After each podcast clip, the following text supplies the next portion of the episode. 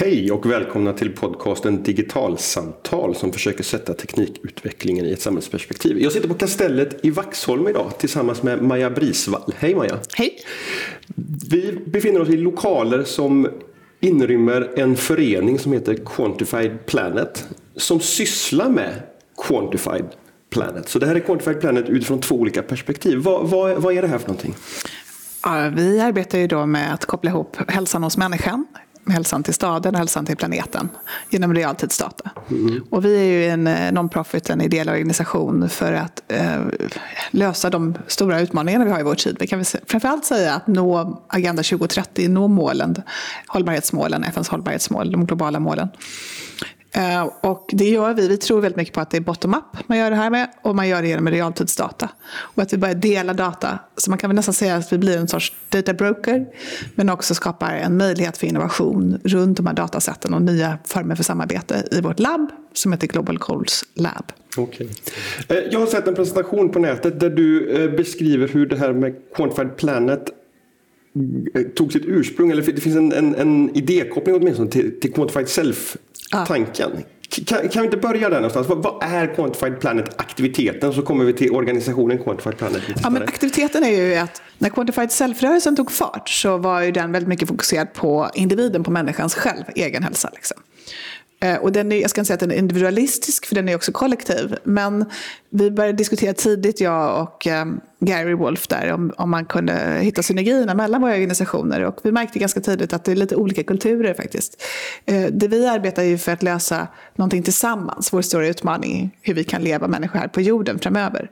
Och det eh, är, måste vi göra tillsammans som kollektiv. Så att, att bara gräva i vår egen hälsa hjälper oss inte riktigt till det målet. Även om det är bra att man lär sig om datainsamling. Och det har ju Quantified eh, self drivit ganska starkt. Den, den att man lär sig hur man mäter, hur man går, hur mycket man rör sig, hur man mår runt det. Och det har varit en viktig, viktig del av eh, samhällsutvecklingen kan man mm. säga. För, för Quantified Self det handlar just som du säger om att, att mäta sig själv ja. och få datapunkter att sen agera utifrån och förändra ett beteende till exempel. Ja. Och det ni vill göra är att överföra den här datainsamlingen på stor skala, på global skala och hjälpa oss att agera på datapunkter och analys om hur planeten mår. Ja, och, och, och det är precis det. Och det är ju för väldigt många människor någonting ganska abstrakt hur mår planeten och hur mår jag? Liksom? Eh, och det kan vi egentligen se här nu. Vi har väldigt varmt och skönt här nu i, mm. i, juni. Vi brukar inte ha det så här varmt och skönt. Här brukar det blåsa kallt, nordan eller, eller kyligare vindar under hela juni i princip. Och nu har vi haft en värmebölja. Så vi förstår ju att det är någonting som inte är som det brukar vara. Eh, men för att förstå förändringarna, Eh, klimatförändringarna eh, men också hur vi påverkas av dem så måste vi ha hyperlokal data. Vi måste liksom ha data, värmen här på Kastellet, vi behöver ha den i Vaxholm. Vi måste ha den på väldigt många fler punkter för att det blir väldigt lokala förändringar. Och om vi förstår det så kan vi också lättare designa att göra oss mer resilienta för de här klimatförändringarna som kommer. Så, så det handlar om två saker här då. Det handlar om att dels få ett, ett finmaskigare nät i datainsamlingen men också öka tempot i, i den dataströmmen som man får från de här sensorerna. SMHIs mätningar med, med, några få väderstationer är inte tillräckligt för att kunna göra den här typen av analys som ni ser är Nej, möjlig? det är inte tillräckligt och framförallt måste vi också bygga ett ekosystem liksom med, med helt, helt nya samarbeten som vi inte har gjort tidigare. För att eh, de är experter på SMHI kring klimat och prognosdatan förstås. Eh, men när man är fastighetsförvaltare till exempel, som eh, Svensk Fastighets eh, SFV här, som vi sitter i deras lokaler, så eh, märker vi också att en fastighetsförvaltare är ju inte van att jobba med klimatdata nödvändigtvis och har inte behövt göra det tidigare. Eh, så att det, planeten hänger ihop med staden och städer bor ju fler och fler människor i. Och hur vi designar våra städer med hur mycket grönska, hur mycket public space, det vill säga med parker som kan kyla ner, ta emot regnvatten, eh, blir jätteviktiga frågor. Och inte minst för politiker framöver, liksom, vilka, vem ska få bygga hus var och hur ska det se ut? Så det, det, blir data som kan, kan fungera som dels för en fastighetsägare för att, för att mm. fatta beslut om både i driften av en befintlig fastighet men också hur man ska planera nybyggnation och så vidare. Men också då för politiker utifrån att, att fundera på stadsplaneringsfrågor eller, ja. eller, eller, eller, längre perspektiv, ja. regleringar och, och Ja, och absolut. Och jag tror att det där är liksom att eh, vi, vi har varit vana, vi har designat ett system för att driva vårt samhälle. Liksom. I, vi har haft myndigheter för, som utför, utför och verkställer politiska beslut. Och då bygger man upp en organisation eh, som ska driva det och genomföra det. Men man skulle kunna se en stad som består av olika noder egentligen eh, datanoder där en, en myndighet inte längre behöver ha ett hus med hundra personer som sitter och jobbar i för att lösa problemen. Utan i princip skulle det kunna finnas öppen data och, da och en viss intelligens i noderna som löser en del av de här problemen. Liksom. Mm. Så att jag tror att vi, har, vi befinner oss i en tid där systemen hindrar oss rätt mycket för att komma med lösningarna på det som, mm. eh, som, som vi behöver lösa. Vilka problem är det som ni ser går att lösa med hjälp av datainsamling och dataanalys? Och vilken data är det som behövs för att, för att nå dit? Eh, en av de jätteviktiga delarna det är att, eh, och det kan man ju koppla till säkerhetsfrågorna, liksom, att om vi bor, hur ska vi klara förändrade temperaturhöjningar, mycket vatten som kommer till städer? Liksom? Hur ska vi överleva där vi bor egentligen? Det, det är liksom en fråga som är jättestor. Um, och där ser vi ju att ju mer hyperlokal data, desto lättare blir det att planera. Idag finns det jättemånga fina byggprojekt där man tar fram Eh, visa på att så här mycket grön yta ska vi ha och så här många gröna väggar och allt det här. Men det som är intressant med det är ju att de, många av de projekten genomförs inte sen på det sättet. Man har en bra ritning, man har en ambition, men sen blir det inte så mycket grönt på genomförandet till exempel. För att det, det kanske rationaliseras bort av olika anledningar. Så det är liksom ett tillämpningsområde. Eh, det andra som jag tror kommer bli mycket större, det kommer ju handla om lärandet. Man säger mål med fyra, education. Och varför det blir så stort, det är ju att vi befinner oss i en stor kunskapsrevolution just nu. Dels funderar vi ju på utifrån vilka bolag som kommer finnas framöver. Eh, de, eh, det är ju nya teknologier som, som förskjuter detta, kan man säga. Slår ut gamla organisationer, det går för långsamt. Hela digitaliseringsprocessen. Ja, hela digitaliseringsprocessen gör ju liksom ett stort hopp. Men den vi har där i är ju någonstans eh, vår nästa generation, våra unga människor. Och om vi nu ska använda den här realtidsdatan för att kvantifiera planeten så måste vi ut, bedriva utbildning på ett helt nytt sätt. För vilka kunskaper är det vi behöver ha? Vi måste förstå, alla behöver nästan en grundkunskap kring hur planeten fungerar. Vad handlar det om att ta hand om planeten? Även om vi bor i en stad och inte kan namnet på våra arter så måste vi förstå, vi måste veta vad det är som växer och varför vi måste ta hand om det som växer. För att annars kan vi inte leva här. Det är alltså... Ekosystemets roll. Ja, ekosystemets roll. Ja, mm. precis. Så man kan säga life on land, eh, mål nummer 15. Mm. Det är liksom vad som växer i, i parken, vad som växer i, i eh, ja, i en trädgård liksom, som man kan äta, stadsträdgård, stadsträdgårdsodling. Men också viktigt att lära sig var maten kommer ifrån förstås, på fälten. Mm. Så det blir liksom eh, en eh, jätteviktig del. Men i detta så tror jag också att någonting då Någonting som vi har tappat bort i det här, som är stora potentialen är med den här nya teknologin, det är ju att många människor sitter på en mobiltelefon, om inte nästan alla. Mm. Och vi använder vår kamera väldigt mycket. Och då ska man kunna se att kameran, bildanalys, kameran är som en sensor. Kameran sitter i, kameror förstås, det sitter i lyktstolpar, det sitter i drönare, flygplan, satelliter. Och det här är den stora nya sorts datapotentialen. Analysen av bilderna och att kunna göra den datan öppen. Jag har skrivit om företag, eh, ett, ett Lundaföretag bland annat som heter Vultus som, som använder satellitdata för att göra bildanalys och sen kunna hjälpa lantbrukare att, att planera sin, sin odling. Är det, är det den typen av bildanalys? Ja, det är absolut ett, en ja. del. Liksom. Eh, vi, ser, vi, vi jobbar ju med internationella bolag också inom agriculture och där, eh, jordbruk och där har man ju sett förstås att, att en av de bildanalyserna med satellitdatan är jätteviktig. Mm. Men det är kanske ännu viktigare är att den data vi kommer ha inom ett par tre år är ju den hyperspectrals. Det vill säga vi kommer ha en väldigt mycket bättre upplösning på bildanalysen. Mm. Och det tror jag kommer vara ganska häftigt då. För att det där kommer ju ge, eh, upplösningen kommer ju ge liksom eh, vi jobbar, vi jobbar med forskare i New York nu som redan nu kan se på hyperspectral eh, imaging eh, ammoniakläckage från taken i New York genom plymer, liksom så här, pollution plumes. De använder samma teknologi som de tittar på stjärnorna i princip, astrofysiker.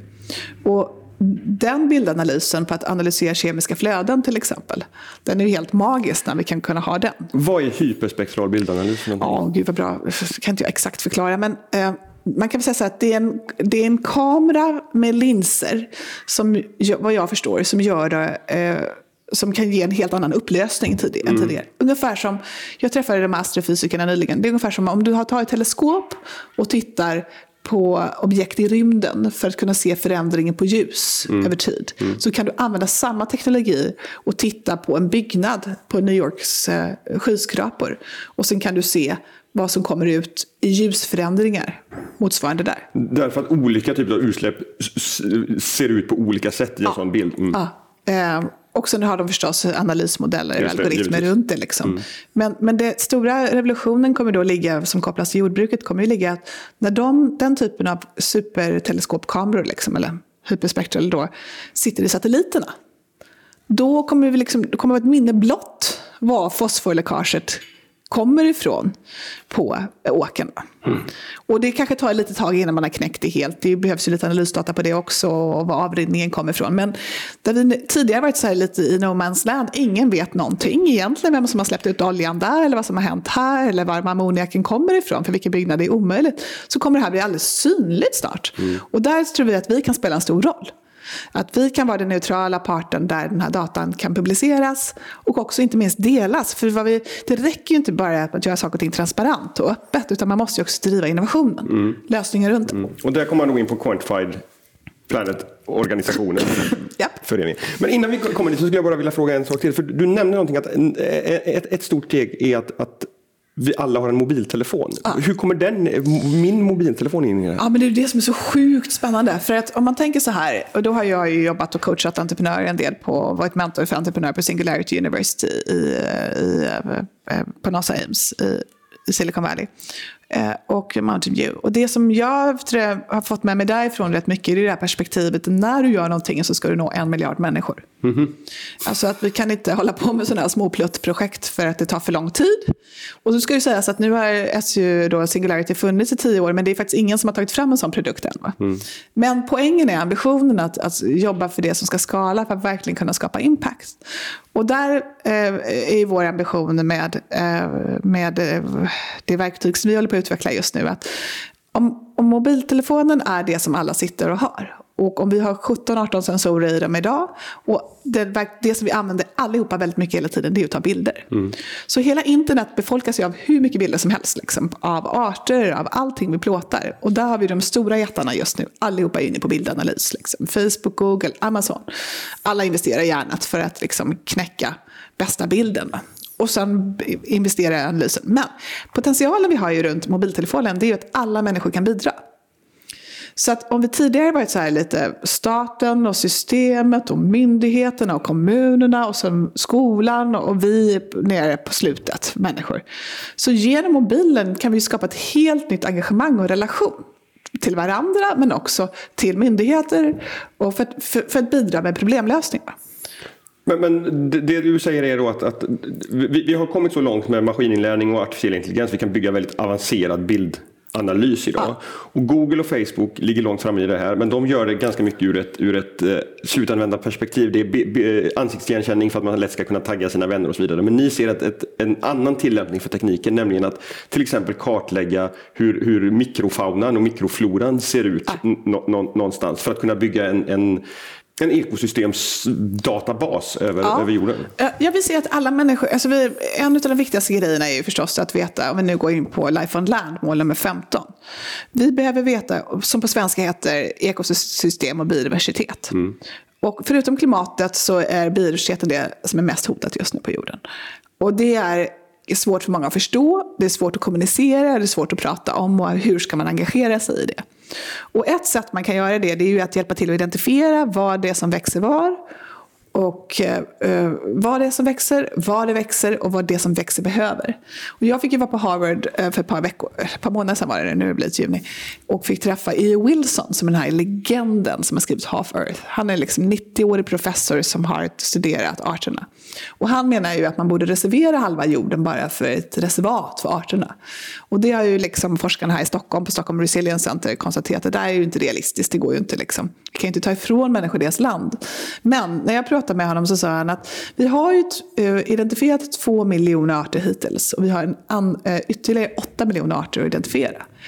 Uh, och de två som vi vet, miljoner vet vi finns, men de vet vi inte var de växer. Det. Och det kan vi inte längre ha forskare och naturnördar som är ute och letar efter de där arterna, utan vi måste alla hjälpa till med det. Och där kommer mobilkameran in. Mm. Vi kan allihopa gå ut och jobba och det är vårt initiativ Planet 15 som vi arbetar med. Men vad, vad, är det, tänker ni er liksom ett samarbete med till exempel Facebook att, att få, få dem att analysera vad som finns på de bilder som laddas upp där? Eller, vill, eller ska man bidra specifikt med bilder in till Quantified Planet? Mm. Vi, vår data som vi har, eh, bygger upp på vår databas, det gör vi ju tillgänglig för forskare. Mm.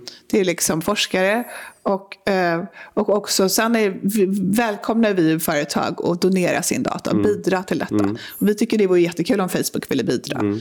Det vi har lite, vi har litet, eh, jag tror att kanske kopplat till tid, men nu kanske det börjar mogna med. Vi har sett Cambridge Analytica-skandalen i våras också. Att, att, det här, att synen på data philanthropy och hur man jobbar med de frågorna är väldigt omoget fält fortfarande. Eh, och stora jättar som har byggt sin eh, ja, marknadsandel och värde på börsen eller sin affärsstrategi på att behålla data för sig själva och sin egen analys. Och, och också vara oaktsam med andras data liksom, på ett oansvarigt sätt. De, de, ja, börsvärdet faller ju, det, är ju liksom, det går ju inte att komma mm. ifrån. Men jag tror också att det är här vi i Sverige kan spela en roll med teknikutvecklingen. Nu, nu, har du sagt två eh, begrepp om, om data som jag skulle vilja att vi dyker ner För, för det första så kallar du Quantified Planet, organisationen, föreningen, för en data broker. Ja. Och för det andra så hörde jag nyss ett begrepp som jag aldrig har hört förut, nämligen datafilantropi. Ja. Data broker, vad är det för någonting? Ja, men data broker är ju att när alla ligger i startgroparna och nu utvecklar AI-tjänster så är det ju så att vissa företag och vissa organisationer har viss sorts data och de andra sitter på någon annan data. Och det är ju väldigt svårt när man ska hitta på en ny tjänst att bara säga, ja men Eh, Eh, har ni den här datan, skulle vi kunna få lite den? Och eftersom alla tror att data är det nya guldet, vilket det mångt och mycket är, men det blir det framförallt om vi samarbetar med våra datasätt. Och det måste man göra, ha en broker, någon som kan säga, ja men nu håller vi på att jobba på den här innovationen, kom hit och donera det här. Vi jobbar alla för att nå de globala målen. Så, så det handlar om att ni vill bli en, en samlingspunkt där att jag, min organisation bidrar med data och i utbyte får tillgång till till helheten. Ja, mm. men det blir också, man måste skilja också på detta, för det är det vi försöker räkna ut själva nu lite och, och knäcka tillsammans med rådgivare och andra. Att, eh, om du donerar data så kan du såklart få tillgång till annan data, men om du ska utveckla det för kommersiellt mm. eh, så måste du licensiera den datan mm. såklart.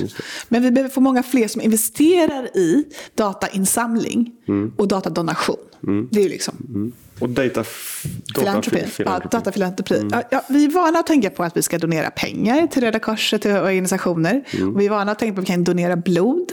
Men vad vi kan göra är att vi kan donera data. Det som är det stora med att donera data det är att du ger bort datan fast du har den kvar. Och det är liksom, så det är inte så stor farligt egentligen att ge bort lite. Mm. Det folk kan bli lite oroliga över förstås, om vi ger bort en bit. Ehm, kommer, kommer våra konkurrenter ta över eller hur ska det gå? vad händer då? Och jag tror inte man ska vara så himla orolig för det, för de här blir nya datasätt. Mm.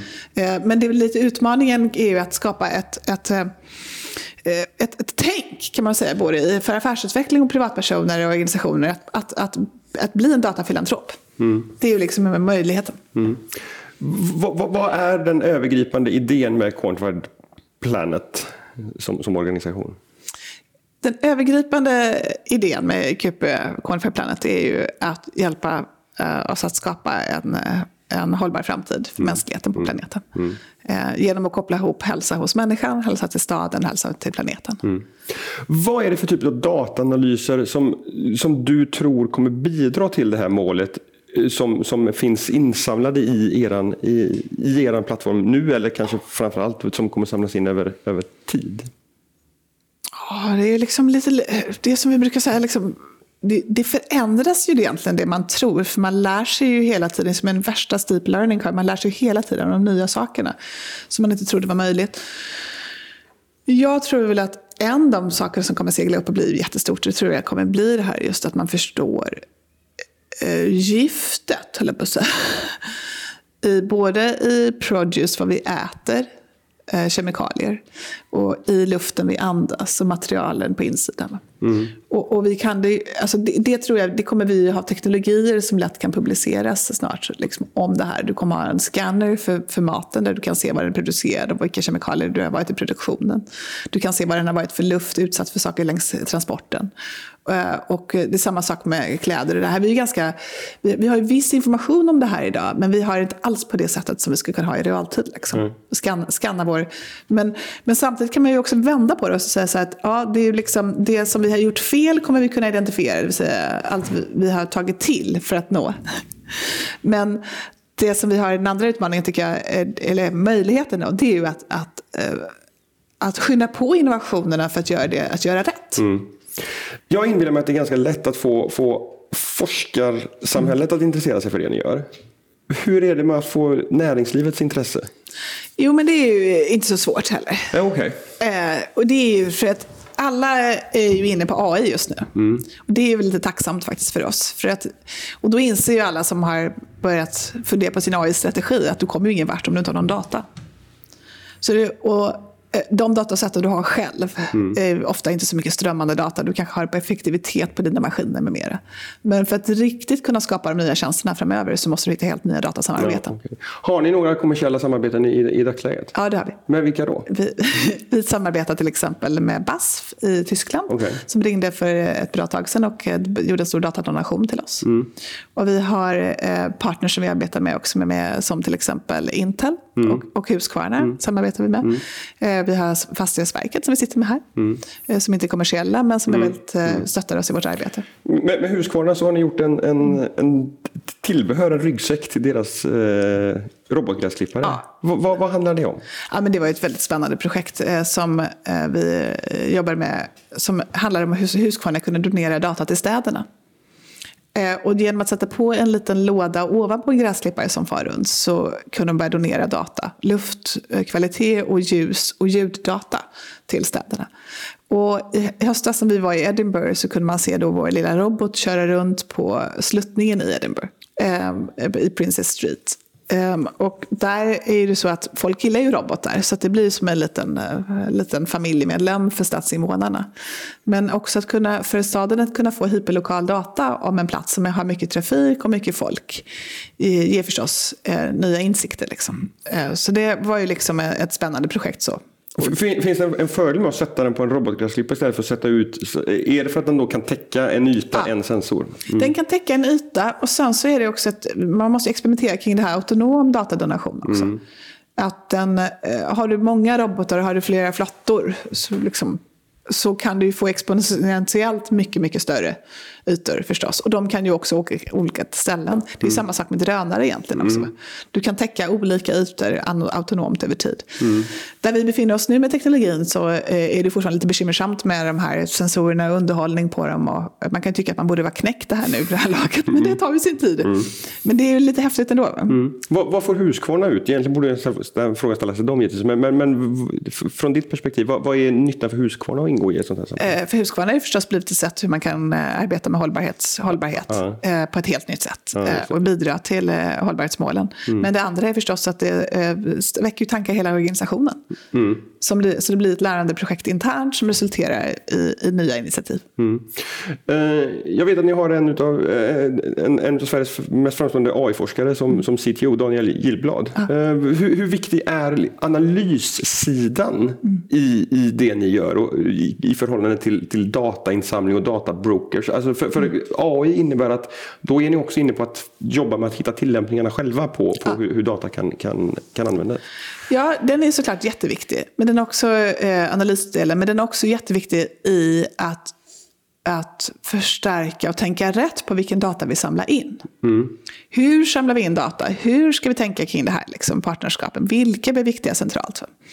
Eh, och då är det fantastiskt med Daniel som kan ju verkligen ge ett, ett, ett, totalt helikopterperspektiv i de här frågorna. Och också hjälpa till, vi jobbar ju också policy och impact på olika sätt. Mm. Och att vi kan gemensamt påverka och fundera kring agendan för Sveriges AI-utveckling. Mm. För, för, när, när jag gör intervjuer om, om AI och dataanalys så, så, så, brukar man ofta säga att, att utgå ifrån det problemet ni har och hitta sedan den datan som kan hjälpa er att adressera det. Men, men, men, här känns det som att det här är, är så stort. Så att, har, har ni släppt det tänket och snarare titta på att samla in Alltså all möjlig data och sen får vi se hur vi kan använda den datan som vi faktiskt sitter på. Vi, vi började ju säga, med våra indikatorer på datainsamling, så började vi säga ljus, ljud, luft och vatten. Ja. Sa vi att där, där börjar vi. Och sen blir det ju också en fråga om vad finns det strömmande data? Vilka sensorer är mogna kopplat till det här? Mm. Så då har vi ju lagt till det på biodiversitet eller biologisk mångfald. Det vill säga på arter nu. Och sen, med hjälp av kamerorna då? Ja, med hjälp av kamerorna. Mm. Mm. Och sen har vi nästa nivå som är också cykeldata förstås. Blir väldigt viktig mobilitetsdatan. Cykeldata? Ja. Det, blir, den okay. är ju, ja, men det har vi ju insett då. Liksom att, för vad det som händer är att det blir som ett sorts ekosystem i hur du rör dig. Cyklar du dig så kan du också donera data. Det är kopplat till din hälsa. Så att, eh, och det, eh, vi jobbar ju då, så att för, för, för, för, att göra den här datan tydlig så visualiserar vi den i vår dashboard på, som heter Planet Explorer. Man kan gå till quantifyplanet.org och kolla. Och då har vi visualiserat olika datasätt i dagsläget. Eh, som till exempel temperatur, och eh, ljus, och vind och luftfuktighet. Eh, men det vi jobbar på nu är ju nästa generations visualiseringar. Och då märker vi, och det märkte man till exempel i New York när jag var där nu för ett par veckor sedan, att olika städer sköta den här transformationen till hållbarhet på olika sätt. Okay. Olika, de är bra på olika sätt. Danskarna har varit jätteduktiga under lång tid med cyklar. Att bygga infrastruktur, få upp cykeldata eh, väldigt väl. Och det är ju någonting som andra städer strävar, strävar efter. Det är ju jättebra många som cyklar förstås. Och det kan man skapa, visualisera det på hur många cyklister man har så är det ju fantastiskt. Men där såg jag också i New York nu då att då har man, Citybike har varit jätteduktigt med ett bike sharing system. Mm. Så plötsligt cyklar alla i New York. Liksom. Och jag testade den här också förstås och bara cykla runt hela New York. Och det var ju förstås jättekul, fast det känns som man skulle dö ibland. Men det som är viktigast i det där är att det är någonting New York kan vara väldigt stolta över, hur de har drivit det mm. på sharing, då, på, på mm. eh, cyklar. Mm. Så jag tror att eh, kopplingen då till att visualisera data blir att olika städer blir bra på olika sätt i transformationen. Och där kan man se att eh, Oslo de är ju liksom världsledande på elbilar. Mm. Så de sa ju att det som har varit policy-wise viktigt för dem har varit att få att folk kör i bussfilen. Eh, det har varit jätteviktigt. Och sen förstås ingen skatt på elbilar. Mm. Men det är ju ett datasätt som de är superstolta över. Liksom. Mm. Så jag tror att vi måste bara hitta det här mellan städer för att, för att det ska gå fortare. Mm. Och för att vi som, som bor i städerna ska börja ta till oss de här nya beteendena så måste vi liksom visualisera upp den här datan mm. på ett nytt sätt. Och det jobbar vi på. Ja, okay. Eh, blir det ett sätt för, för, för städerna att, att genom att få den här datan att de kan börja benchmarka sig mot varandra och, och hitta liksom i, i tydlig data och analys av data, vad har lyckats ja. i New York? Ja. Mm. Det blir det ju, och det säger ju då borgmästaren i Oslo att vi är såklart jättestolta över det här och berättar gärna vår story. Men det som är spännande med norrmännen det är att de går ju på nästa steg är på deras eh, byggarbetsplatser som de har fattat policybeslut på. De vågar ju fatta lite andra beslut än vi svenskar gör. Och de säger att nu ska det vara elektrifierade byggarbetsplatser om x antal år. Mm. Och då plötsligt blir det ett datasätt som de kan skylta med. Bara, mm. men vi har bara elektriska byggkranar. Varför mm. kör ni i världen på massa annat gammalt mm. sörja? Mm. Eller elektriska flygplan som norrmännen också satt upp. Mm. Så jag tror att det, det, blir ett sätt att visa upp sig, men det blir också ett sätt att återkoppla till medborgarna. Mm. Och det är det här som vi klurar mycket på. Att hur man som medborgare skapar engagemang i sin stad genom data och datadonation, men också se vad staden gör. Och, det, och det kan också hjälpa till att, att fatta ganska att, att mjuka upp det policybeslut och annat som kan vara lite svårt att, att, att komma loss med. Mm. Man kan ju fråga sig varför har inte vi gjort som norrmännen mm. Eh, när de har varit så framgångsrika. Mm. Jag skulle vilja hoppa tillbaka till datafilantropin. um, därför att, eh, när, man, när man pratar om filantropi så tänker man ofta uh, framgångsrika människor som har tjänat mycket pengar som börjar mm. donera pengar. Ja. Men, men, här låter det på dig som att datafilantropi kan bli någonting som var och en av oss ja. kan och bör ägna oss åt i framtiden. Ja, absolut.